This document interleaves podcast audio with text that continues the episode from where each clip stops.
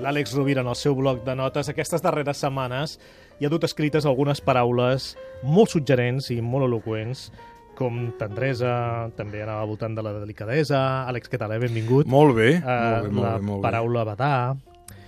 I avui la paraula tedi. És una altra d'aquelles paraules, tedi, que té com mala fama. Sí. I al cap de setmana, per exemple, fugim del tedi, no? I estan plens moltes vegades de moltes activitats, no? Quan gràcies Però- al tedi respirem, no? I és moltes, i és, sovint és molt important lliurar-se al tedi. Pot ser, paradoxalment, un gran esperonador de la creativitat i de connectar amb territoris inexplorats de nosaltres mateixos. A partir del tedi, se m'acut, ja que juguem en aquest joc, eh, una paraula que també és molt interessant, la letargia. Cal a la vida tenir moments de tedi i de letargia. Sovint la letargia s'atribueix a una malaltia, però també es relaciona molt amb els períodes de- d'hibernació.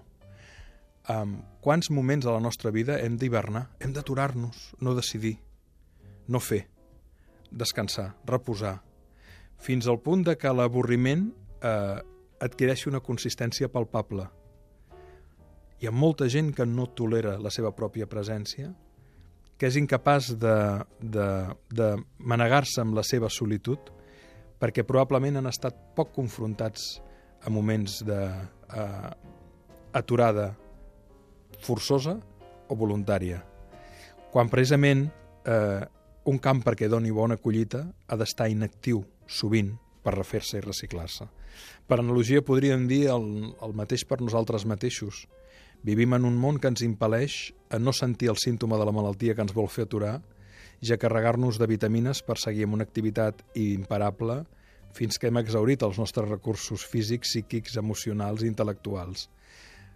Quan la solució natural és permetre's el tedi, permetre's badar, permetre's un vell esguard, permetre's la letargia. Tot això del que hem estat parlant les darreres Sí. setmanes, que ens porten al territori comú del que en podríem dir la regeneració. Molt interessant. I són paraules, efectivament, que no han protagonitzat cap programa íntegre de l'Ofici de Viure i que totes elles tenen molt de sentit, juntes. I perquè d'alguna manera no apunten allò que en la nostra contemporaneïtat està tan de moda, que és fes fins que rebentis. Sí, exacte. exacte. Llavors, quan rebentis vindrà la crisi. Eh? Llavors vindrà la crisi i llavors et ve- veuràs obligat a aturar-te. No, atura't, però atura't de debò. No només per prendre't una cervesa, sinó per fer moltes altres coses. Àlex, un plaer, com cada setmana. Moltes gràcies. És un plaer estar amb tu sempre, Gaspar. Gràcies. Els oients també. Una abraçada.